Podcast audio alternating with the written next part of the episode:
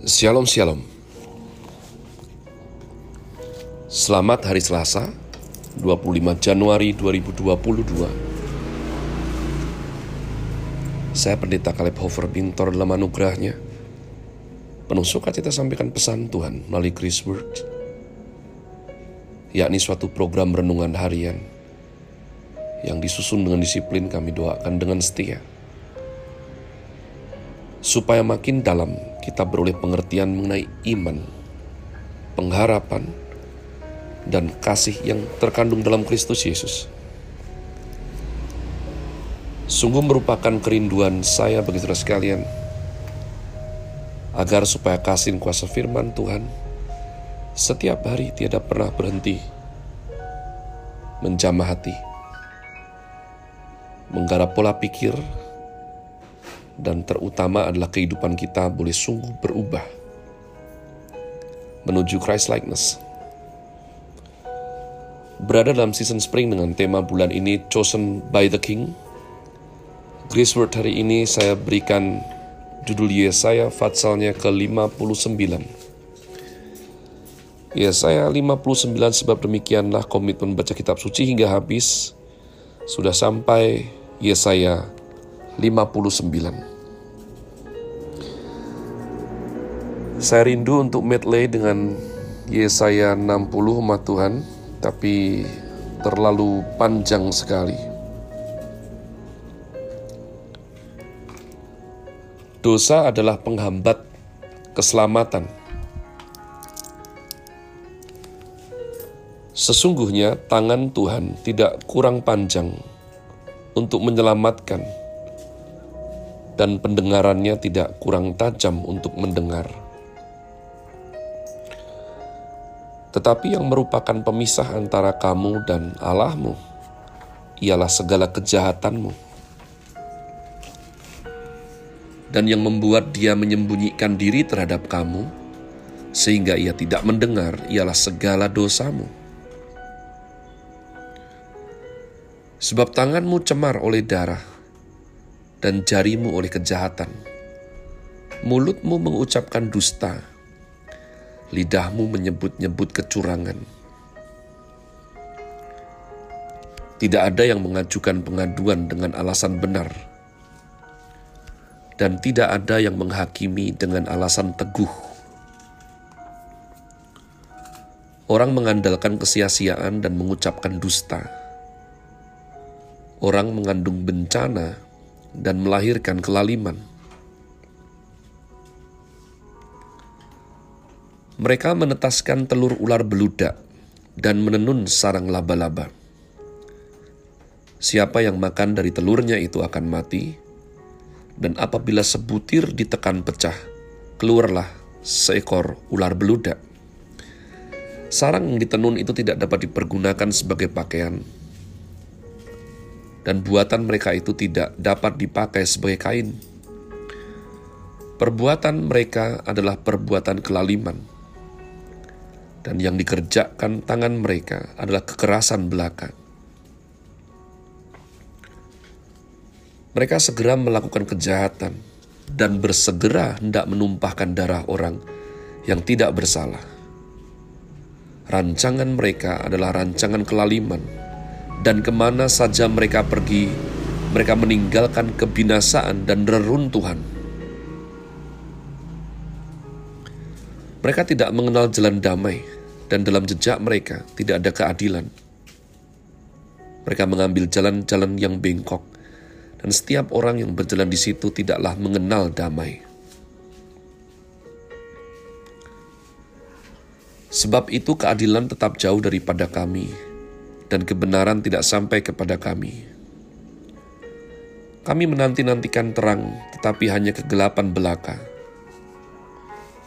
menanti-nantikan cahaya, tetapi kami berjalan dalam kekelaman.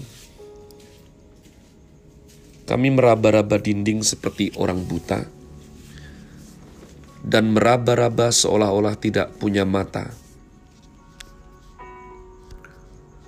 Kami tersandung di waktu tengah hari, seperti di waktu senja, duduk di tempat gelap seperti orang mati. Kami sekalian meraung seperti beruang. Suara kami redup seperti suara su, seperti suara burung merpati. Kami menanti-nantikan keadilan tetapi tidak ada. Menanti-nantikan keselamatan tetapi jauh dari kami. Sungguh dosa pemberontakan kami banyak di hadapanmu, dan dosa kami bersaksi melawan kami. Sungguh kami menyadari pemberontakan kami, dan kami mengenal kejahatan kami. Kami telah memberontak dan mungkir terhadap Tuhan, dan berbalik dari mengikuti Allah kami. Kami merancangkan pemerasan dan penyelewengan, mengandung dusta dalam hati, dan melahirkannya dalam kata-kata. Hukum telah terdesak ke belakang, dan keadilan berdiri jauh-jauh. Sebab kebenaran tersandung di tempat umum dan ketulusan ditolak orang. Dengan demikian kebenaran telah hilang. Dan siapa yang menjauhi kejahatan, ia menjadi korban rampasan. Tetapi Tuhan melihatnya. Dan adalah jahat di matanya bahwa tidak ada hukum. Ia melihat bahwa tidak seorang pun yang tampil dan ia tertegun karena tidak ada yang membela. Maka tangannya sendiri memberi dia pertolongan, dan keadil, keadilannya lah yang membantu dia. Ia mengenakan keadilan sebagai baju zirah, dan ketopong keselamatan ada di kepalanya. Ia mengenakan pakaian pembalasan dan menyelubungkan kecemburuan sebagai jubah Sesuai dengan perbuatan-perbuatan orang, demikianlah ia memberi pembalasan. Kehangatan murka kepada lawan-lawannya. Ganjaran kepada musuh-musuhnya. Bahkan kepada pulau-pulau yang jauh ia memberi ganjaran. Maka orang akan takut kepada nama Tuhan di tempat matahari terbenam dan kepada kemuliaannya di tempat matahari terbit sebab ia akan datang seperti arus dari tempat yang sempit, yang didorong oleh nafas Tuhan.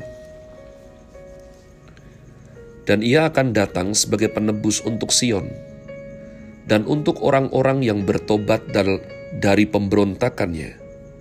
Demikianlah firman Tuhan. Adapun aku, inilah perjanjianku dengan mereka. Firman Tuhan, rohku yang menghinggapi engkau, dan firmanku yang kutaruh dalam mulutmu tidak akan meninggalkan mulutmu dan mulut keturunanmu dan mulut keturunan mereka dari sekarang sampai selama-lamanya. Firman Tuhan.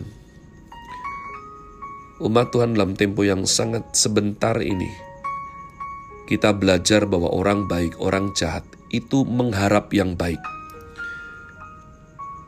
saya sering kali mendengar orang yang begitu jahat kelakuannya.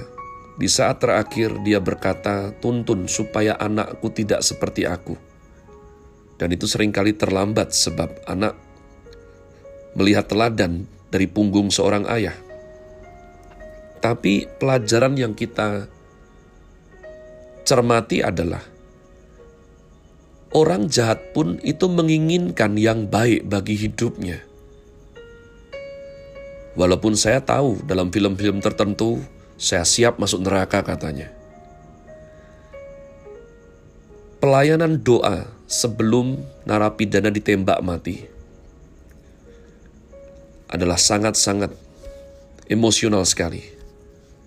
Seharusnya kalau orang siap berbuat jahat, seharusnya siap masuk neraka.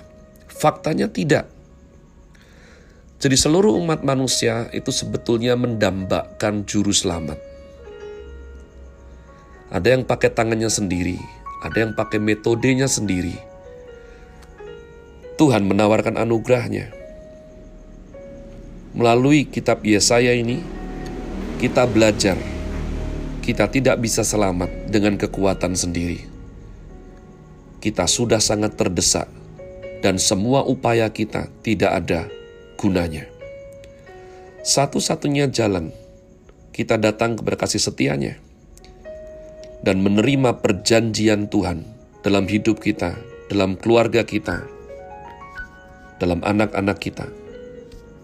Saya berdoa sungguh supaya jika waktu luang, saudara bisa mendengarkan ini sekali lagi dan merenungkan serta memetik hal-hal berharga untuk dapat di-apply, dilakukan sungguh dalam hidup sehari-hari. Have a nice day. Tuhan Yesus memberkati saudara sekalian. Sola. Grazie.